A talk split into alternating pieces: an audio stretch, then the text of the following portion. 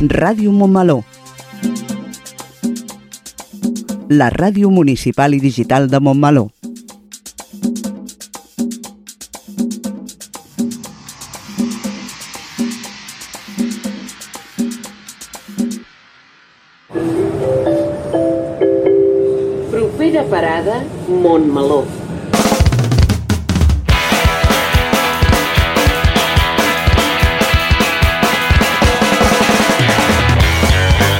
Montmeló sona.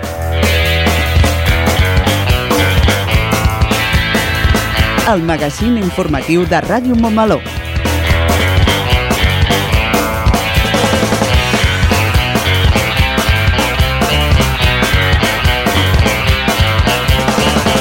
Molt bon dia a tothom. Avui és divendres 16 de juny de 2023 i comencem una nova edició del Montmeló Sona. Programa número 73. Avui, 16 de juny, és el Dia Mundial de la Tapa, la tapa de menjar, una de les tradicions més populars d'Espanya, on s'estima que aproximadament un 60% dels establiments ofereixen una tapa gratuïta amb la beguda. Com explica la llegenda, l'origen de la tapa es remunta al segle XIII. El rei Alfons X de Castella, apodat el Savi, va manar que cap establiment servís cap beguda sense estar acompanyada de menjar, per evitar que l'alcohol pugés al cap tan ràpidament. Així que ja sabeu, si sortiu aquest cap de setmana, no us oblideu de la tapa. Montmeló Sona és el magazín informatiu setmanal de Ràdio Montmeló, coordinat per l'equip de comunicació de l'Ajuntament.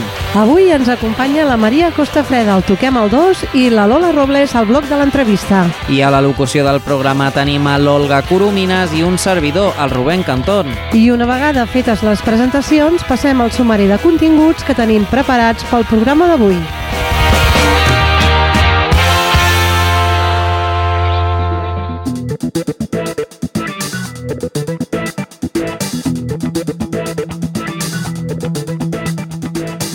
Comencem amb el Toquem el 2, on la Maria Costa Freda parla amb el cònsul de Japó, Yasushi Sato, sobre el festival intercultural Matsuri. Seguirem amb el nostre espai informatiu Crònica de Montmeló, on farem un repàs de l'actualitat del nostre poble. Després farem una ullada a l'agenda d'actes que podem trobar els propers dies a Montmeló. Tot seguit, la Lola Robles entrevistarà el Ricard Ruiz Garzón, comissari del 42è Festival de Gèneres Fantàstics de Barcelona. I com ja sabeu, tot això i alguna cosa més és el que trobarem al Montmeló Sona d'avui, 16 de juny de 2023.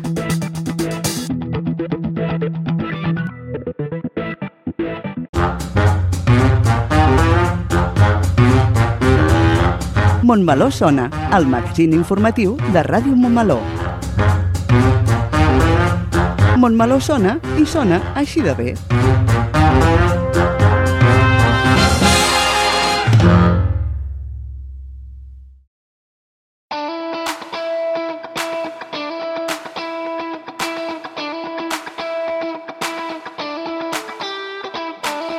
Després de dues setmanes fotudeta, torno al Toquem el 2 amb més recomanacions. Agrair a la Mercè i en Rubén per dur a terme la secció. Gràcies, companys. Aquest cap de setmana volem marxar a Barcelona i gaudir de la cultura tradicional japonesa dins del Festival Intercultural Matsuri per apropar la cultura del Japó a la ciutat comtal. Aquest festival se celebra aquest cap de setmana del 17 al 18 de juny al Boll del Fusta. El festival està organitzat per l'Associació de Cultura Japonesa i compta amb la col·laboració de Casa Àsia, la Japan Foundation, el Port Vell, el Consolat General del Japó i l'Ajuntament de Barcelona. Matsuri és un festival típic del Japó que se celebra a l'estiu i la seva versió a Barcelona, que arriba a la seva novena edició, permetrà conèixer la cultura tradicional japonesa i els japonesos que resideixen a Barcelona. Per saber més d'aquest festival ens hem posat en contacte amb el Consolat General del Japó a Barcelona i serà el propi cònsul, el senyor Yasushi Sato, qui ens parlarà de tots aspectes relacionats amb aquest festival Matsuri a Barcelona. Buenos días, señor Yasushi Sato, y gracias por atender la llamada de Radio Montmeló. Bueno, muchas gracias por invitarme a participar en este, en este programa.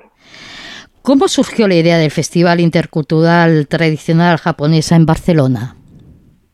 Bueno, este festival es organizado por un grupo de los japoneses residentes en Barcelona, bueno, por supuesto con el apoyo del Consulado General de Japón, ¿no? Y creo que es una muy buena manera de retribuir a la amistad y el buen trato que recibimos día a día de parte de esta ciudad de Barcelona.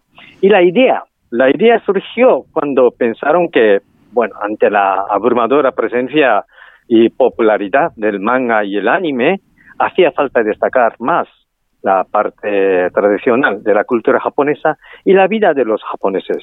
Y se pensó en representar aquí los festivales de verano del barrio, que hasta el día hoy se organizan por todo, todo el Japón. Así, así surgió la idea. eh, ¿Nos podría hacer un balance de estos nueve años de este festival?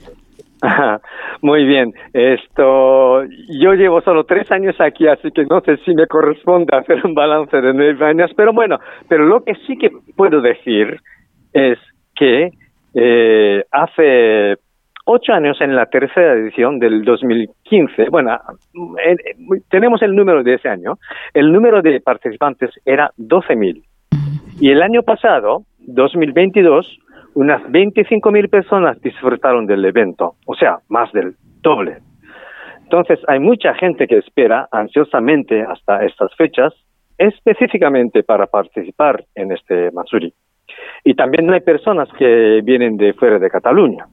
Y yo creo que Matsuri ya es una parte infaltable del paisaje de junio barcelonés. Y todo esto gracias al apoyo del Ayuntamiento de Barcelona, el Puerto de Barcelona la Fundación Japón y muchos colaboradores españoles, japoneses y de otras nacionalidades. Yo y a mí me alegro mucho de ver que este evento sea no solamente para mostrar la parte tradicional del Japón, sino también para contribuir al desarrollo de la interculturalidad e internacionalidad de la ciudad de Barcelona. Bueno, esto es más o menos el, balance que hago. ¿Cuáles son las actividades preparadas para este fin de semana del Festival Intercultural Matsuri? Bien, muy bien. Eh, una amplia gama de actividades. ¿eh? Esto, conciertos de tambor taiko y flauta, shamisen, que es un instrumento de tres cuerdas, talleres de taiko, artes marciales, caligrafía, etcétera, etcétera. Y al final de la jornada de cada día, tenemos Bon Odori, Bon Odori, que está siendo una gran atracción para muchos participantes.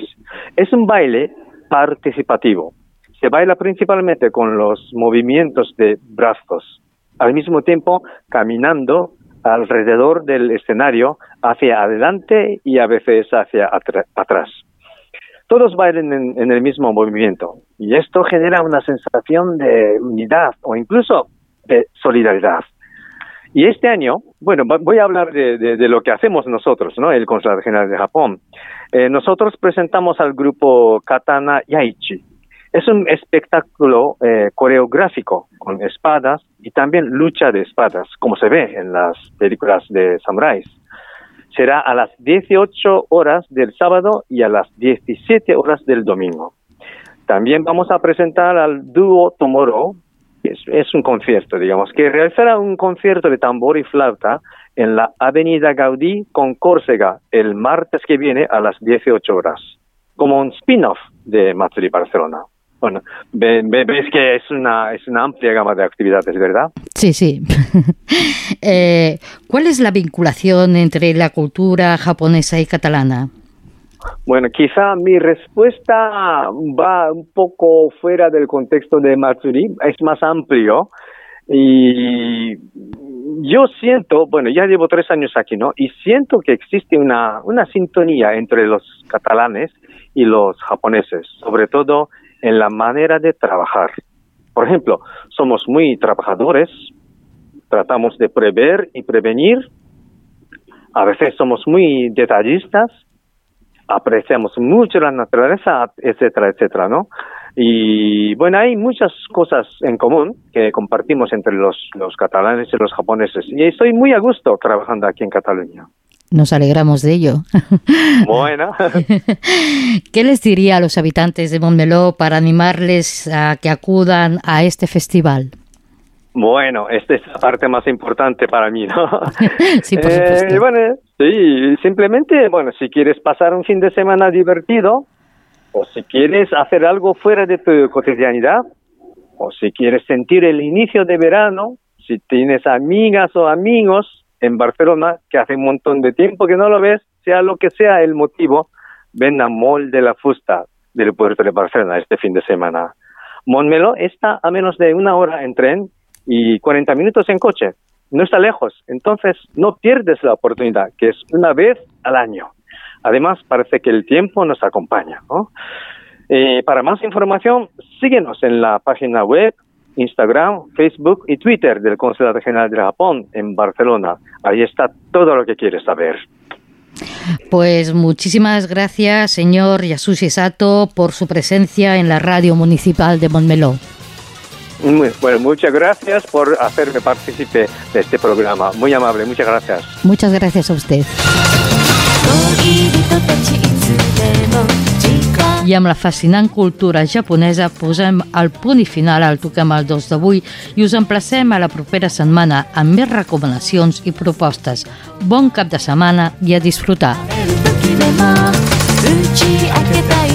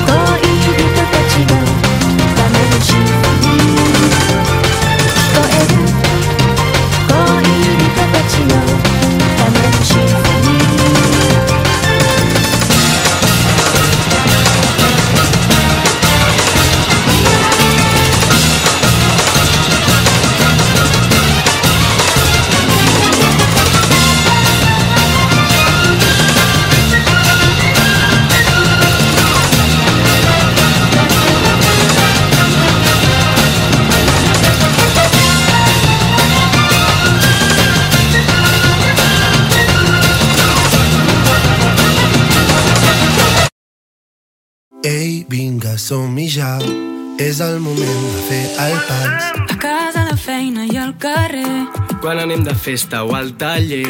Parla'm amb el teu accent. Només hem de començar. Va, provem-ho en català. Tu per mi i jo per tu. I quan vulguis tots plegats. Molt per parlar, molt per Provem-ho en català. Molt per parlar, molt per viure. Generalitat de Catalunya. Sempre endavant.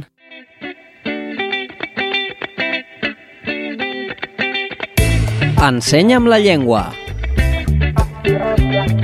Un programa de l'oficina de català amb Susana Corxo. El tercer divendres de cada mes a les 5 de la tarda.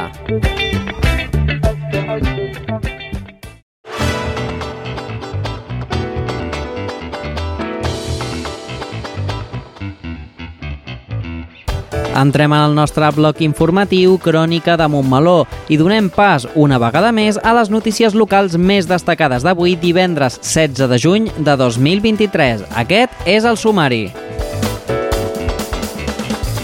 Celebrat el ple de tancament de la legislatura 2019-2023. Mor mossèn Mateu Santacana. L'Arxiu Municipal celebra el Dia Internacional dels Arxius amb la participació en l'exposició virtual sobre l'esport a Catalunya. Ja és aquí una nova edició del Casal d'Estiu de Montmeló, plena d'activitats per a infants i joves. Si la teva vocació és el món del lleure, para atenció. En marxa els treballs de remodelació del Turó de les Tres Creus. Club de lectura fàcil en català.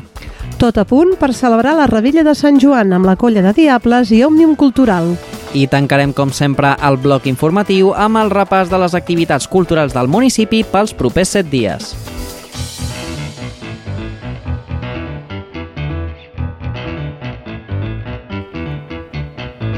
Dimecres 14 de juny es va celebrar el ple de tancament de la legislatura 2019-2023. La sessió, que només incluïa un punt a l'ordre del dia, que era l'aprovació de les darreres actes, va servir per acomiadar els regidors i regidores que ja no seguiran la pròxima legislatura.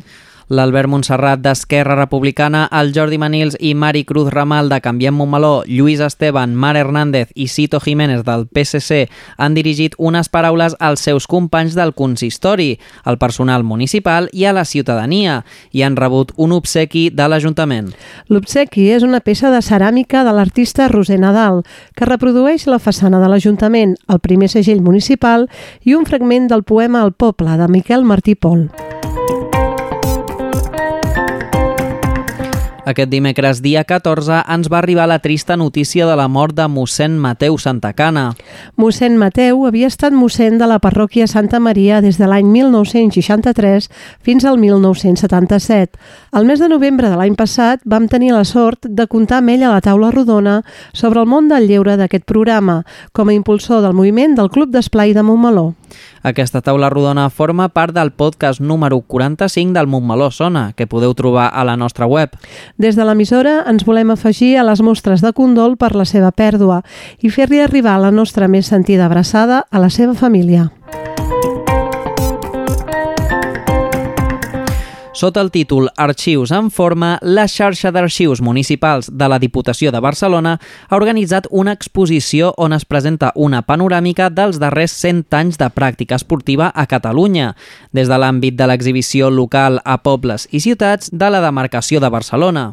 La mostra, de forma virtual, presenta 114 documents procedents de 54 arxius municipals que permeten fer un viatge a través de 100 anys de l'esport i mostrar el context social, polític, econòmic i cultural de cada època. La selecció de documents s'ha organitzat en cinc àmbits cronològics. Abans de 1940, dels anys 1940 i 1950, dels anys 1960 i 1970, dels anys 1980 i 1990 i dels anys 2000 fins al 2022, que ressegueixen la història, els costums, els valors i l'evolució de la societat catalana a través de l'esport. S'hi mostren documents diversos, com fotografies, bans, cartells, projectes d'equipaments esportius, programes, himnes, pressupostos i comptes, estatuts, calendaris, fitxes, llicències i tiquets, gestionats pels arxivers itinerants del programa de manteniment de la xarxa d'arxius municipals, que coordina l'Oficina de Patrimoni Cultural de la Diputació de Barcelona. Aquesta activitat de difusió s'enmarca en el Dia Internacional dels Arxius, que va tenir lloc el dia 9 de juny, amb l'objectiu de promocionar i valorar els arxius d'arreu del món com a garants de la memòria individual i col·lectiva del conjunt de la ciutadania. La mostra inclou una galeria d'imatges amb la identificació de tots els documents i la seva geolocalització en un mapa de la demarcació de Barcelona. L'exposició es complementa amb un vídeo amb la veu de dos testimonis de l'arrelament de l'esport al territori, com són l'exjugador del Club Patí Voltregà, Cacho Ordeig, i el president del Centre d'Esports Súria, Lluís Jané, acompanyats per les aportacions de Toni Padilla sobre la importància dels arxius municipals per a la difusió, la recerca i la memòria de l'esport. Us convidem, doncs, a visitar i a conèixer especialment els documents referents al nostre municipi i els de la resta de poblacions menors de 10.000 habitants a la nostra província que també hi participen. Podeu veure l'exposició a l'enllaç a la web de la Diputació de Barcelona, Setmana dels Arxius, exposició virtual. El curs escolar acaba, arriba l'estiu i amb aquest una nova edició del Casal d'Estiu de Montmeló perquè infants i joves gaudeixin de les primeres setmanes de vacances amb activitats de lleure entre amics i amigues. La Regidoria d'Infància i Joventut impulsa una nova edició del Casal d'Estiu, que enguany començarà el 26 de juny i s'allargarà fins al 28 de juliol. Així, durant cinc setmanes, infants i joves compartiran moments de joc, tallers, activitats i sortides ben atractives que l'equip directiu ha preparat al llarg dels darrers mesos. Els infants i joves rebran l'encàrrec de la petita Nami, a qui acompanyaran en la descoberta d'una galàxia plena de planetes ben especials, els de les joguines, el de les emocions, els de l'art i la ciència i el dels contes. A més, el calendari és ple d'activitats extraordinàries, entre les quals els infants i joves podran gaudir de tallers amb el trencadís i la biblioteca La Grua, així com activitats de construcció amb cable, d'entre altres. Com cada any, els infants i joves també es capbussaran a les piscines municipals per refrescar-se. Un grup de més de 40 monitors seran els encarregats de fer l'estiu un record inolvidable per als més de 300 infants i joves inscrits enguany al casal d'estiu. L'horari del casal d'estiu serà de 9 del matí a 1 del migdia. Hi haurà servei d'acollida de 7.45 del matí a 9 del matí i servei de menjador de 1 del migdia a 3.30 del migdia. Des de l'àrea de joventut de l'Ajuntament de Montmeló i amb la voluntat d'oferir la formació necessària per a la millora de la qualificació i la inserció laboral en el món del lleure, hem elaborat un qüestionari que té per objectiu recollir l'interès i la demanda envers la realització del curs per l'obtenció del títol oficial de monitor o monitora d'educació en el temps de lleure al municipi.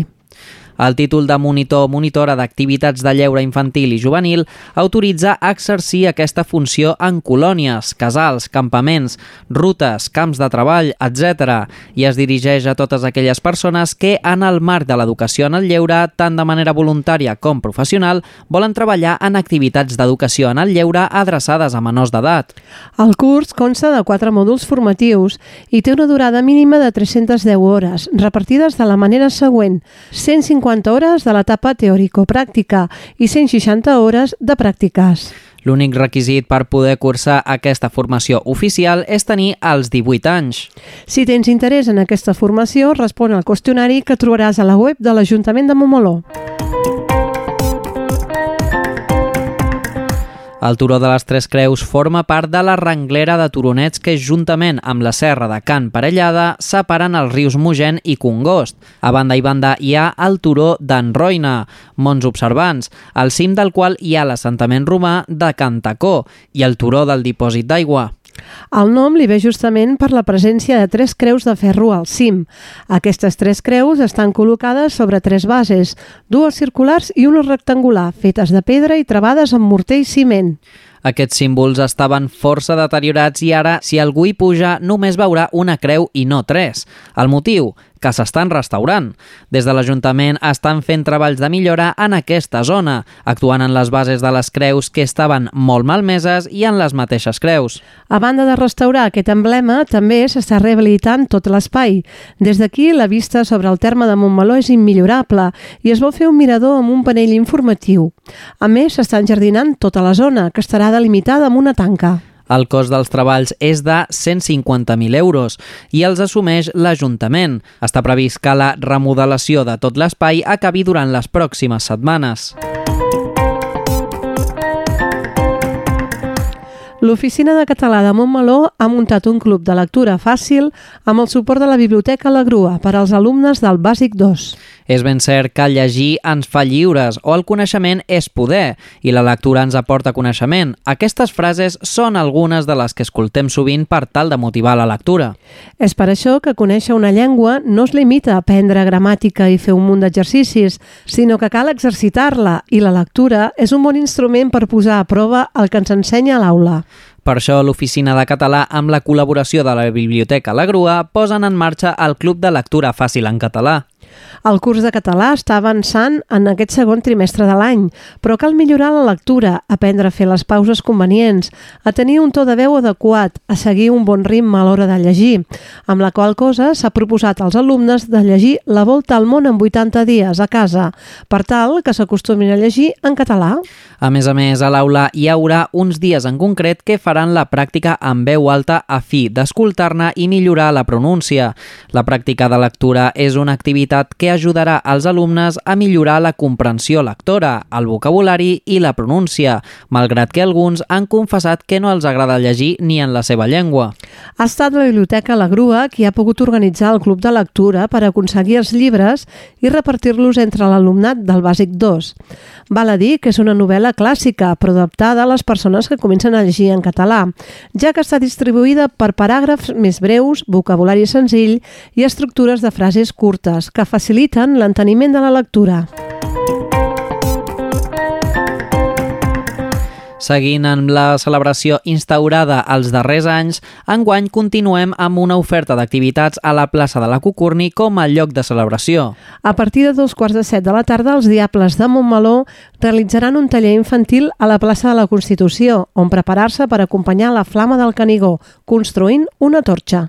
A dos quarts de nou de la nit, a la plaça de la Vila, es farà la rebuda de la Flama del Canigó, portada per Òmnium Cultural, i el seguici fins a la Cucurni, amb l'acompanyament de les colles infantil i jove de Diables. Un cop allà, a les 9 del vespre, es procedirà a la lectura del manifest i l'encesa de la foguera, que donarà pas a la rebella de Sant Joan. Tothom que vulgui es podrà quedar a sopar a la plaça de la Cucurni. Es pot triar entre portar el menjar o comprar un entrepà de botifarra, cansalada o xistorra, o un plat de pinxos amb xips i pa amb tomàquet. L'oferta del bar es completa amb la possibilitat de prendre una copa de cava i un tall de coca per celebrar la rebella de Sant Joan. Hi haurà també un servei de cadires i taules. La part musical tindrà dues parts. Una primera part a càrrec del trio Chauffeurs, que ofereixen versions des del pas doble fins a Rosalia. Per acabar la nit, el grup de versions Banda Viruji, una orquestra que dona diversió, joventut, professionalitat i un directe esbojarrat per gaudir de la rebetlla. Aquestes activitats compten amb la col·laboració de la colla de Diables de Montmeló, d'Òmnium Cultural Montmeló i del grup de voluntaris de Protecció Civil Montmeló. Per acabar, recordar que per gaudir d'una bona rebetlla cal seguir les recomanacions de protecció civil. Aquest any, més que mai, rebetlles amb precaució.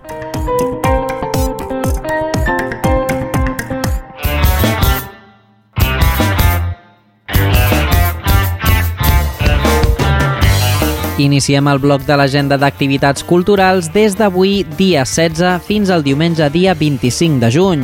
Seguim amb els festivals de fi de curs i acabarem la setmana amb la rebetlla de Sant Joan. Agafem forces que s'acosta la festa major. Demà dissabte 17 a les 12 del migdia, la Sala de la Concòrdia acollirà el ple de constitució del nou alcalde, on els 13 regidors i regidores elegits a les eleccions del 28 de maig juraran o prometran el càrrec per acabar amb l'elecció de l'alcalde dels propers 4 anys. El mateix dissabte a dos quarts de set a la sala polivalent de la Torreta, 31è Festival d'Estiu Esbar d'Ensaire amb la participació de l'Esbar d'Ensaire de Montmeló i del Centre Cultural Aragonès de Mollet. Charo García serà la presentadora del festival i també ens oferirà un recital de poemes. I la mateixa sala polivalent La Torreta a les 8 del vespre acollirà un nou festival de fi de curs. Aquesta vegada serà la cluenda de les activitats del Casal de la Gent Gran. Mostra de cant coral, dansa teatral, bany en línia i sevillanes, amb la participació de la coral de la gent gran i el combo de l'Escola de Música. Diumenge 18, una nova edició de la Caminada Saludable mensual, la tradicional Marxa Nòrdica. A les 9 del matí s'iniciarà aquesta activitat oberta a totes les persones que vulguin iniciar-se en aquesta tècnica tan senzilla i a la vegada tan saludable. Si no tens bastons, te'ls deixem.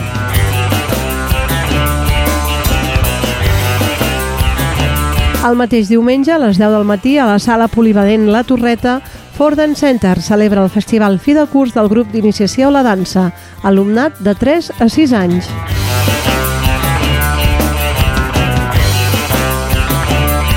A les 11 del matí, el jaciment romà de Cantacó obre les seves portes per permetre les visites. El preu de l'entrada és de 2 euros. Seguim amb el diumenge, a les 12 del migdia, a la sala polivalent La Torreta, se celebrarà la primera sessió del Festival Fi de Curs de l'Escola Forden Center, on tot l'alumnat farà una mostra del que han après al llarg del curs. El final de curs ha estat dividit en dues sessions, una pel matí i la segona a la tarda a les 6. Les entrades es poden trobar a la web d'Entràpolis. A les 12 del migdia, al local de la grupa, la companyia El Replà estrena el seu nou espectacle de titelles, el Club de les Valentes. En Pot era alt i fort. Pensava que tots els problemes se solucionaven amb la força. Tothom estava atemorit, però aquesta situació va canviar quan en Llaunes va crear el Club de les Valentes. El preu de les entrades és de 4 euros per als infants a partir dels 3 anys, 7 euros per a les persones adultes i podeu trobar un pack familiar per un preu de 20 euros per a 4 persones. Les entrades es vendran el mateix dia a la taquilla del local del carrer de l'11 de setembre. Tanquem setmana amb els actes de la Rebetlla de Sant Joan. Divendres 23 de juny, a dos quarts de set de la tarda, a la plaça de la Constitució, els Diables de Montmeló us proposen un taller de torxes per poder acompanyar la Flama del Canigó.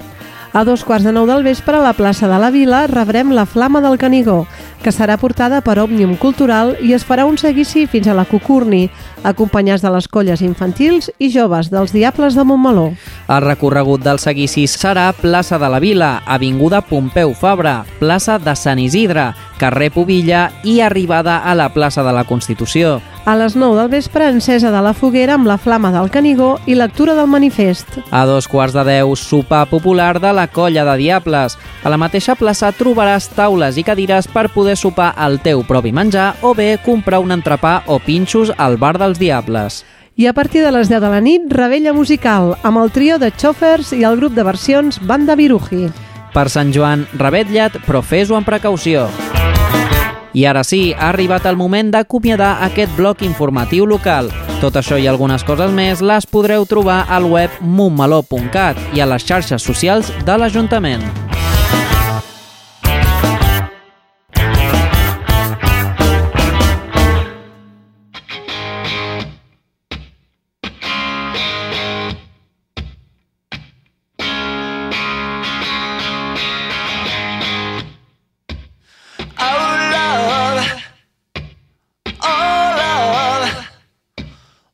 You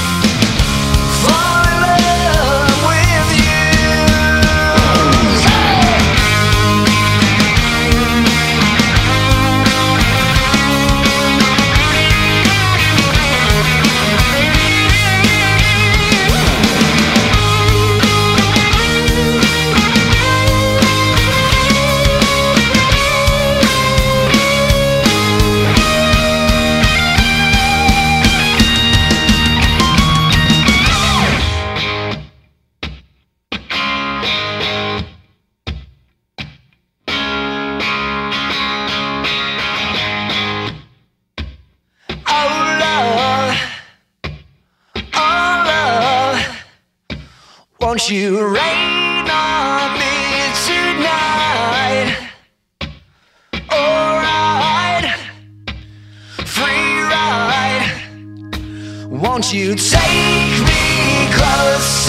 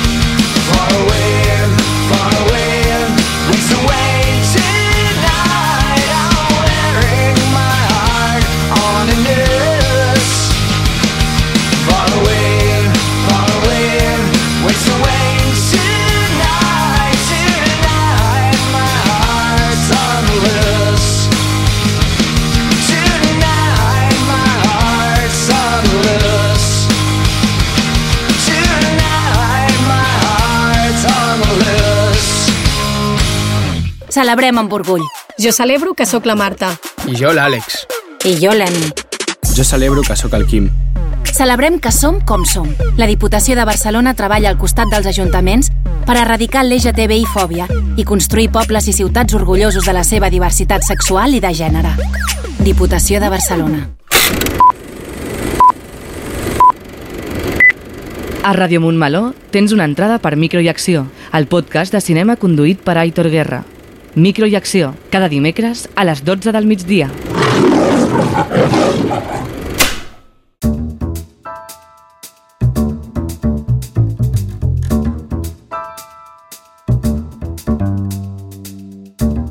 A l'apartat de l'entrevista d'avui del Montmeló Sona contem amb la presència de Ricard Ruiz, periodista, escriptor i comissari de la 42, el Festival de Gèneres Fantàstics de Barcelona.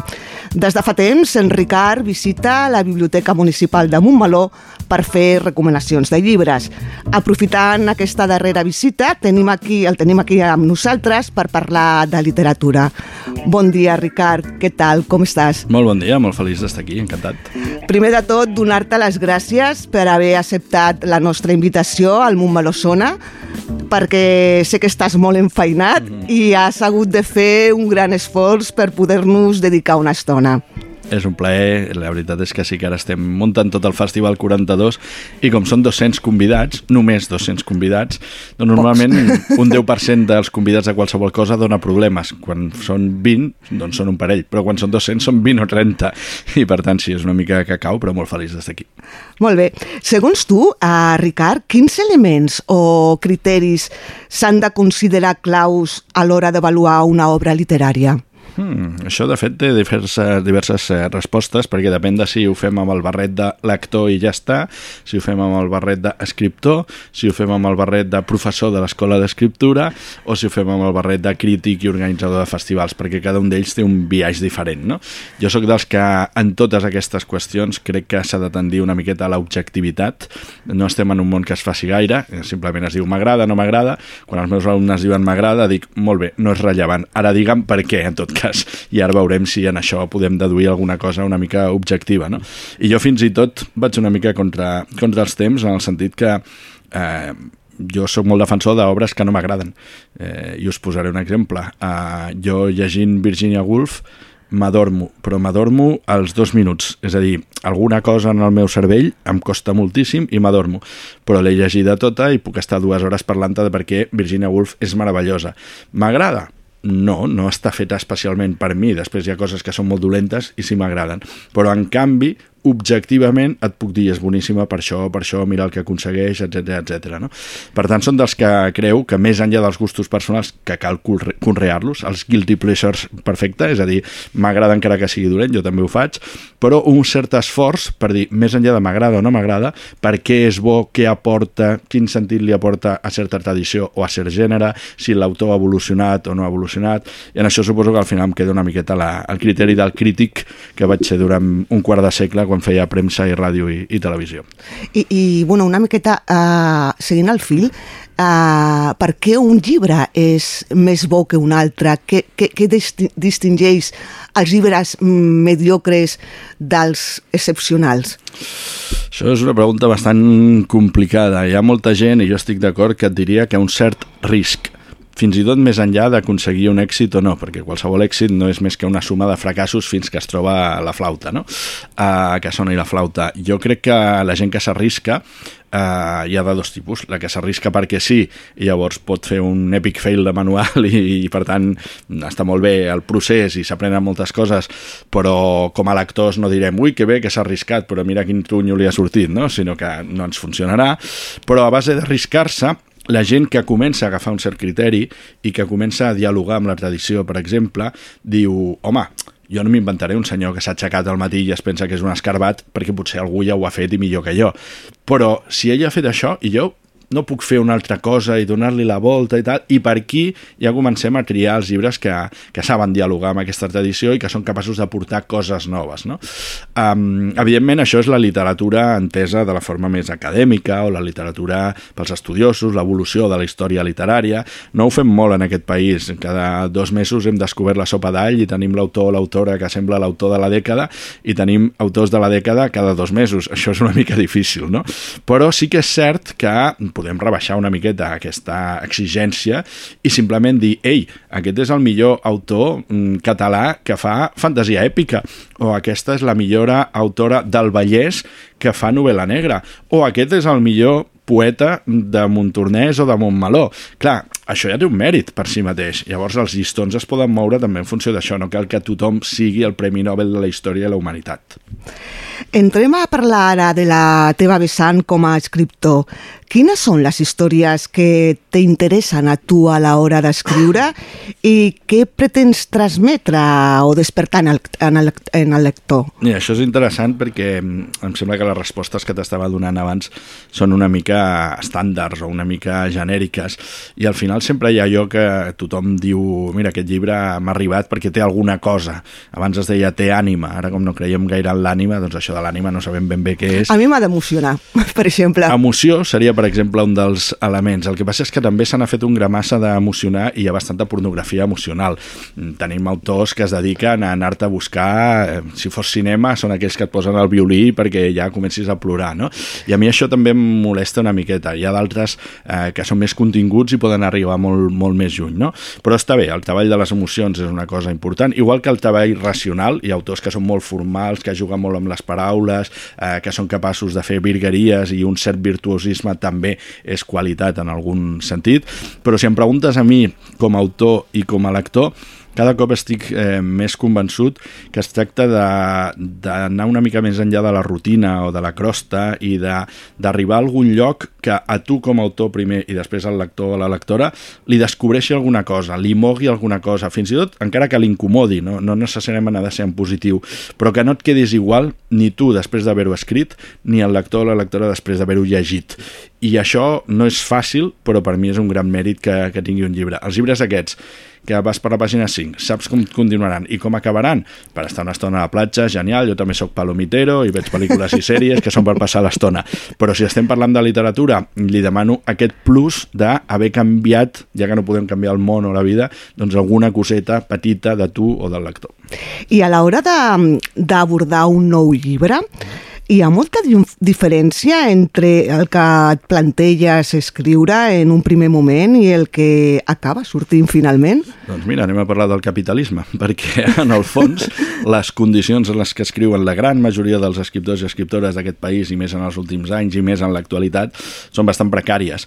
Eh, són bastant precàries perquè es ven poc, es llegeix poc, els joves tenen poca compressió lectora i per tant tu pots estar dos anys fent un llibre i acabar cobrant 500 euros.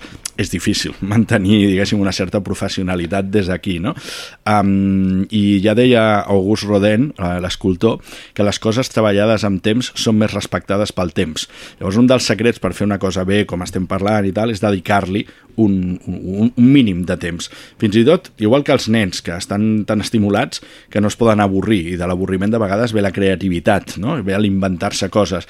Doncs no pot ser que estiguis amb tots els platets en l'aire treballant 16 hores al dia i vulguis, vulguis escriure un, una gran obra. Jo tinc moltíssims alumnes a l'escola d'escriptura que eh, ho fan des d'aquí i mira, pots fer coses que estiguin bé, però és difícil fer una certa literatura. Jo trobo que um, dedicar-li el temps suficient per allò que deia la Úrsula K. Le Guin, l'escriptora, que és que no et fiquis tu com a autor al mig de l'obra, sinó que respectis la història que hi ha en allà i la deixis expressar-se i tu et posis en un costat, això cada vegada m'agrada més. Això cada vegada m'apropa més al tipus d'història que, que m'agrada.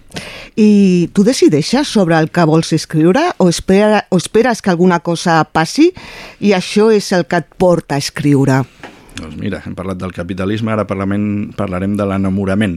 Eh, M'agafeu enamorat, que és una cosa molt maca. Enamorar-se als 50 anys no és una cosa que estigués prevista i per tant està bé, i després d'uns quants anys sense. Um, I m'he enamorat d'algú que a més és una escriptora i una escriptora coneguda i que escrivim des de llocs radicalment oposats. Jo sóc més aviat racional com bon crític periodista analític que ha estat 25 anys, 30, 30 i escaig, um, llegint els llibres dels Artes i veient què hem fet com a professor a l'escola d'escriptura, doncs aplico un mètode eh, i en canvi eh, aquesta escriptora és una escriptora que ho fa des dels budells, només quan ho sent i no sap ben bé on anirà i estic aprenent moltíssim, és molt interessant. Ella també, eh? és a dir, que jo crec que hi ha un, tot, tot autor d'un cert pes, crec que té un equilibri entre les dues coses i per tant jo tinc ara mateix 16 projectes en llista, eh, cinc d'ells els estic fent, mm, estones, els altres ja veurem si els faig o no, perquè les obres es podreixen i de vegades una obra que t'agraden molt, si trigues cinc anys en fer-la, en aquell moment ja no et diu res, no? O sigui que no sé ben bé què faré, però jo els tinc així com planificats, sóc una persona ordenada i, i responsable, i potser ara, mm, doncs aquest estiu, mm, anem de vacances i, i trobem una obra que ens fa flipar i jo què sé, les fem a quart de mans i resulta que surt una obra infantil del que jo pensava que era la idea per fer un tractat o un assaig. No? Eh, ara estic més obert a, a aquesta opció de deixar-me deixar sorprendre una miqueta també per la vida a l'hora d'escriure, que en el fons també l'art és això. El que passa que l'art sense control o sense tècnica o sense cap mena de planificació O una dis disciplina, no?, també. uns mínims de professionalitat jo crec que està molt bé, però és molt arriscat. Uh, S'acaba amb aquella idea de mira, he fet un gargot, ja sóc com Miró. No, mm, hi ha un procés al darrere per saber què és Miró i què no és Miró, i, i Miró o, o Picasso sabien fer Velázquez abans de ser Miró o, o Picasso. Fer un gargot és fer un gargot. Preparant una miqueta l'entrevista, eh, m'he trobat amb unes declaracions teves on dius que els escriptors escrivim els llibres que no trobem com a lectors. Mm -hmm. Eh, Gabriel García Márquez també deia que l'escriptor escriu el seu llibre per explicar-se a si mateix el que no es pot explicar. Mm -hmm. I el Pedro Zarraluki, escriptor que ha viscut tota la vida a Barcelona, deia que escriure és la perversió del veritable acte desitjat que és llegir. És a dir, jo si pogués llegir i em paguessin per llegir i estigués tota la vida llegint, jo crec que seria molt, molt, molt feliç i potser no hauria hagut d'escriure. Però és veritat que de vegades detectes que et manca una certa sensibilitat o que aquella història es podia haver explicat des d'un altre lloc o que un llibre t'ha agradat tant i t'ha emocionat tant que tu vols compartir això d'alguna manera o provocar-ho en altres lectors. No? no concebo els escriptors o les escriptores que no són grans lectors. Primer has de ser un lector i que et digui tot el que et diu una bona lectura per voler-la escriure després. I potser allà et descobreixes a tu mateix, descobreixes o entens el món, descobreixes o entens altres escriptors i aquí és on van apareixent aquests missatges que, que deia el García Márquez o que jo en aquesta frase, que no és que sigui gaire original, que la diu molta gent, doncs volia expressar que és que de vegades tu no trobes ben bé la història que t'explica i llavors la poses tu sobre el paper. I creus que la perfecció d'una obra s'assoleix no quan no hi ha res més que afegir, sinó quan no queda res, més per treure? Mm, aquesta és bona. El Miguel Ángel, el- l'escultor, eh, feia allò dels esclaus i ell deia, no, no, la figura ja està dins del bloc de marbre i només cal treure tot allò que sobra, no? I jo durant molts anys he pensat que era una bona definició també de, de l'escriptura i, i com sóc perfeccionista doncs feia això, escrivia molt i després treia i retocava fins que era una mica el que, el que jo pensava, no? Però mm, en els últims temps eh, no estic tan segur d'això, també penso que mm, de vegades una cosa molt imperfecta és meravellosa. Els japonesos tenen aquesta idea del wabi-sabi, que mm, eh, és una filosofia, de fet, no és una idea, és impossible explicar-ho en un minut, però, però que coneixereu segurament per aquests gerros que s'han trencat i en comptes d'amagar eh, l'esquerda i el que està mal fet doncs ho, ho pinten de daurat i ho destaquen com dient, mira, això té la bellesa d'haver sobreviscut el temps i estem en una societat que ens fa por el deteriorament, ens fa por la decadència, ens fa por física, ens fa por també la imperfecció. I jo crec que la celebració de sobreviure malgrat les ferides, encara que això no sigui perfecte, mm, cada vegada li trobo també, serà que m'estic fent gran, però li trobo cada vegada més, més mèrits, no? Abans sí que estava enlluernat per la perfecció, però la perfecció és una cosa platònica que no existeix al món real. Eh, també has dit que la gran literatura sempre s'ha preguntat què vol dir ser humans. Tu has trobat la resposta? jo segueixo llegint, continuo llegint per, per trobar-la i a més m'agraden els gèneres fantàstics i la ciència-ficció i, i, i fins i tot el terror i faig un festival sencer des de fa 3 anys a, a, a Barcelona eh, sobre aquests temes perquè trobo que ara mateix la realitat està molt poc realista eh, i que ens canvien tot, les preguntes i les respostes cada dos per tres i que llegir no només gèneres realistes, aquells que imiten la realitat, que també, i que evidentment sóc defensor i ha grans obres, sinó plantejar-se les preguntes diferents, posar-li més imaginació. Ara que tothom està fent distopies, per exemple, i que tot és un futur negre, doncs començar a pensar com podria ser un futur en positiu, que hi ha autors que estan començant a dir, ei, ja, ja, ja prou, ja sé que estem a prop de l'abisme, però és que al final ens ho creirem, eh, estem, estem fent-li una mica la, la, la viu als que, als que els hi agrada que estiguem al costat de la- l'abisme, no? I, I cada vegada m'agrada més aquesta idea de ser més creatiu, més imaginatiu, no tan, no tan previsible, i potser la, la lectura és una forma de continuar, ja que no responent-se les coses, per tant no te la podria respondre aquesta pregunta, eh, sí fer-se les preguntes de manera diferent i, i una mica més creativa. Jo crec que ens fem les preguntes bastant malament, les fem com les hem fet sempre, i ja deia l'Einstein que l'única manera de continuar fent les coses malament és fer-les com sempre les havies fet. I creus que la ficció és la millor eina per entendre la realitat?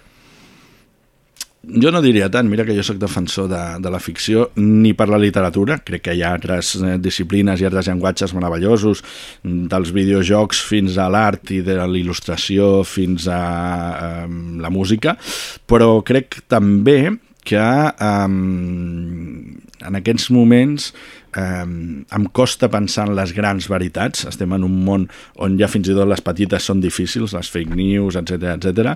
I, i deia Unamuno que havies de confiar en la gent a la qual li agradava buscar la veritat, però havies de desconfiar en la gent que ja l'havia trobada.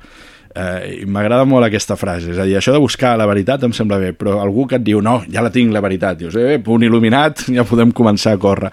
I la ficció té l'avantatge de eh, fer veritats petites, veritats que no, no, no et solucionen la vida, no et diuen com és la societat, però encara que no siguin, fins i tot poden semblar mentides. Hi ha molts autors que diuen jo enganyo, però mentir no menteixo. És a dir, hi ha, hi ha veritats disfressades, camuflades, al joc, en el fons de la literatura.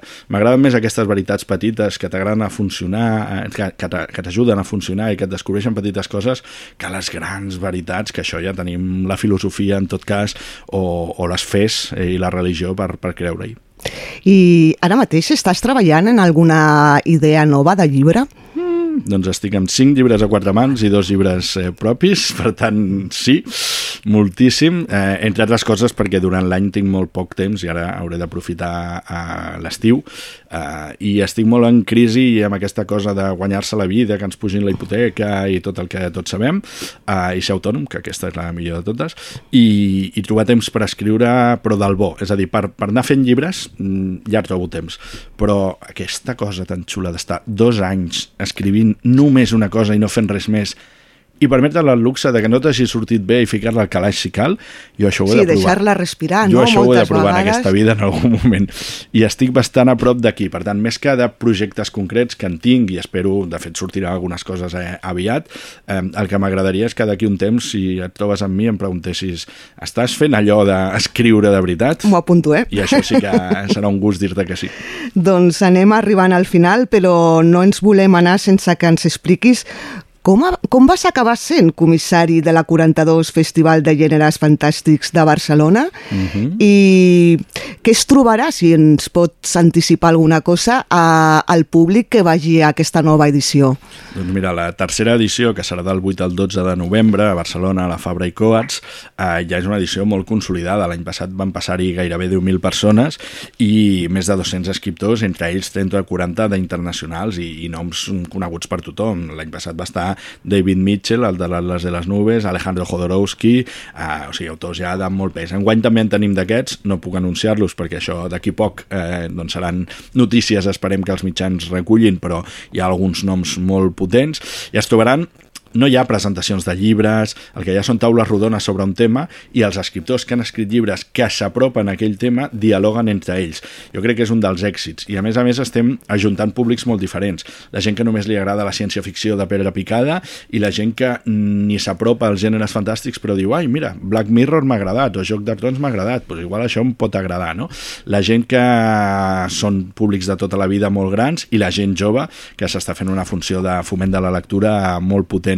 Activitats pràctiques com tallers, rutes literàries, aquestes coses que fan els festivals, però també el goig del teu autor preferit que estigui allà signant el llibre i puguis parlar i fer-te una foto amb, amb ell o amb ella, no? Eh, això és el que trobaran. I com vaig arribar jo en aquí?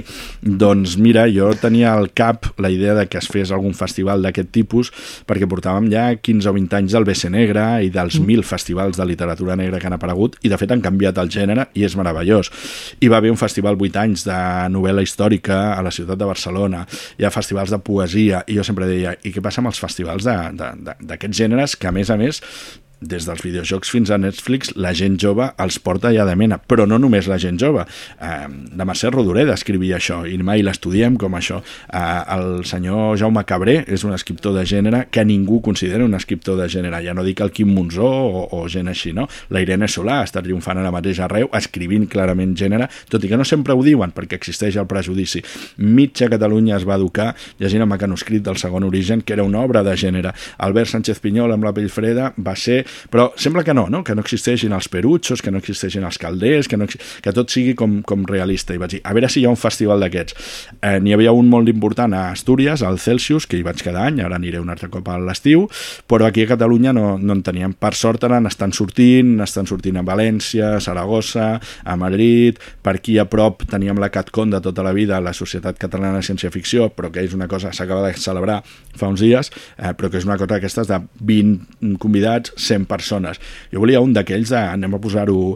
I mira, després de fer diferents voltes, L'Ajuntament de Barcelona s'hi va posar, sobretot per eh, biblioteques, que ho veiem molt clar, i des de biblioteques, per això m'agrada anar a biblioteques, perquè sempre hi ha gent que ha confiat molt i ha treballat molt, i hem aconseguit en dos o tres anys, i començant en plena pandèmia, que ara ningú se'n recorda, però quan vam començar era, sí, estem segurs de fer això, ara justament amb mascaretes, que s'hagi consolidat, i espero que passi com amb la novel·la negra, és a dir, que d'aquí 10 anys doncs ja no calgui potser fer un festival d'aquest tipus, però que ja tothom hagi normalitzat i interioritzat que són uns gèneres com qualsevol altre. Tenim encara una mica d'estigma i de prejudicis i ara mateix és punta de llança narrativa i dir no m'agrada la ciència-ficció així a l'engròs és una mica com dir no m'agrada la literatura o dir a mi és que el terror no m'agrada quan després vas a veure una pel·lícula potser de terror o et llegeixes Stephen King no?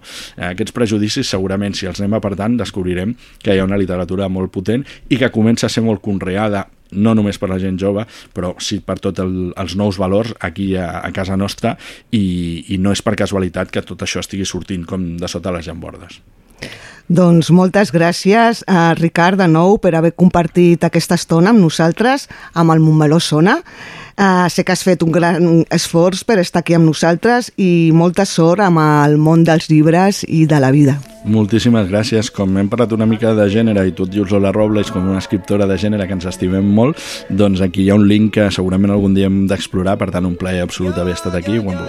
Gràcies. Jo vull anar a la platja amb tu i fer l'amor després dinant plats bruts. Tardeo de mojito, teteo malbenito, són bones vibes tot el que faig amb tu. Perquè només puc pensar en tu i tu i tu i tu i tu des de que t'he vist avui, ui, ui, ui, ui. Vaga no que ha passat, crec que m'he enamorat. Si això s'acaba tindré el cor trencat. Per anar a la cala d'ahir i menjarem calipo, cervesa i solecito fins que se'ns faci de nit. Ai, ai, ai. Ja està tot ready per sortir i tu portes el pareo de vestit i sona despacito, flotant com un manguito, top, top, top, top, fins que s'acabi la nit. Jo vull anar a la platja amb tu i fer l'amor després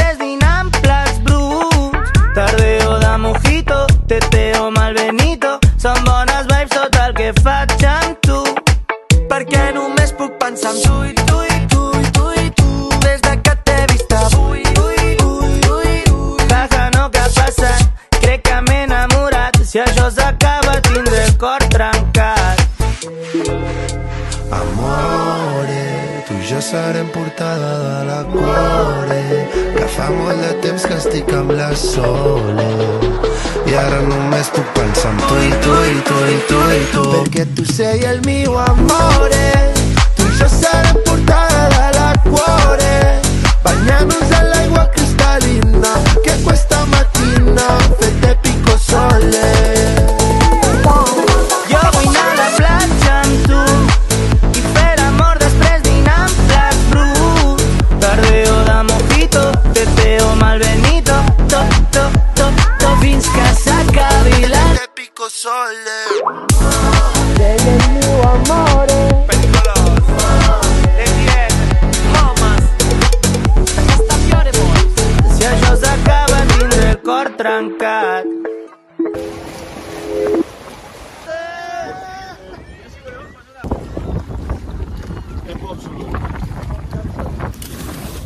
T'imagines un lloc on descobrir, on explorar?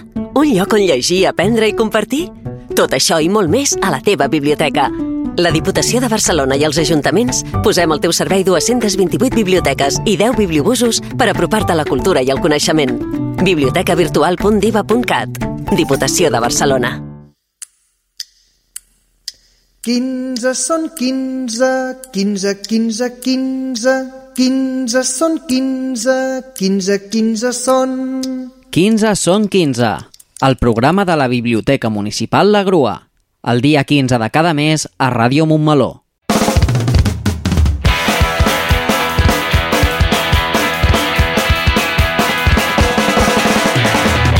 I amb tot això marxem, però com ja és costum us volem recordar que podeu contactar directament amb l'emissora si teniu qualsevol idea, suggeriment o opinió, mitjançant el nostre correu radiomo.montmeló.cat o a través del telèfon i WhatsApp 637 150 702. Molt bon cap de setmana a tothom, descanseu molt, però esteu atents perquè nosaltres seguirem aquí la setmana que ve. Montmeló tornarà a sonar la Rebetlla de Sant Joan, divendres 23 de juny de 2023 a les 12 del migdia.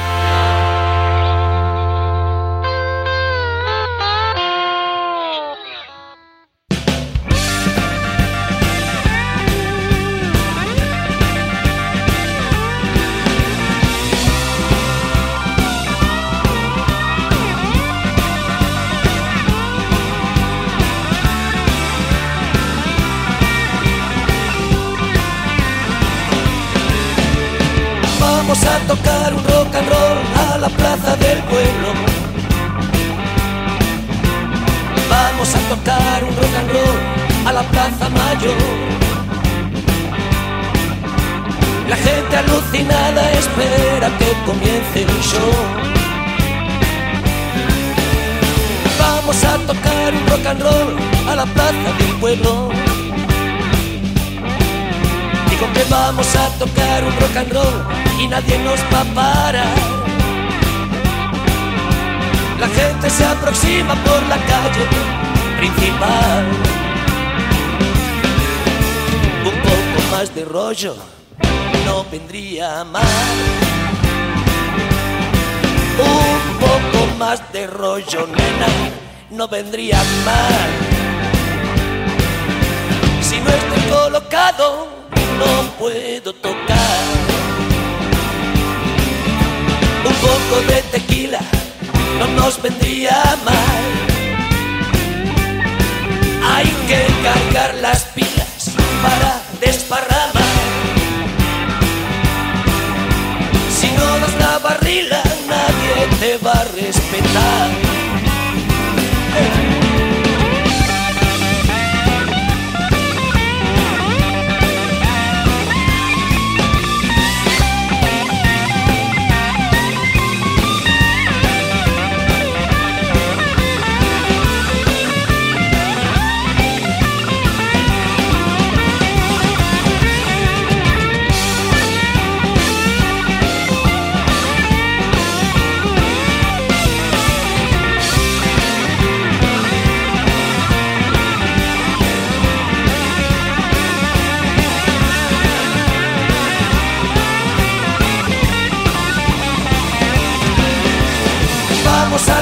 Un rock and roll a la plaza del pueblo. Digo que vamos a tocar un rock and roll a la plaza mayor. La gente alucinada espera que comience el show. Vamos a tocar un rock and roll a la plaza del pueblo. Digo que vamos a tocar un rock and roll y nadie nos va a parar. No vayas al psiquiatra, vamos a rocadorear.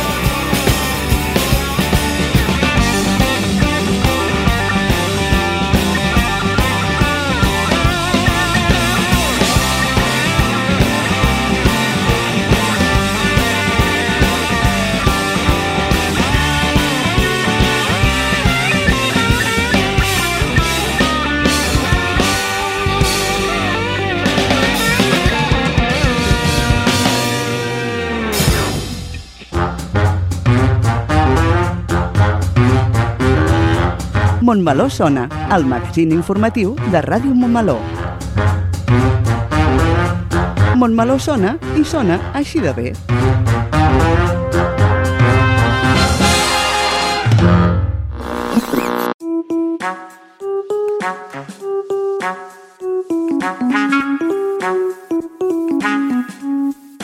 Ràdio Montmeló. Ràdio Montmeló.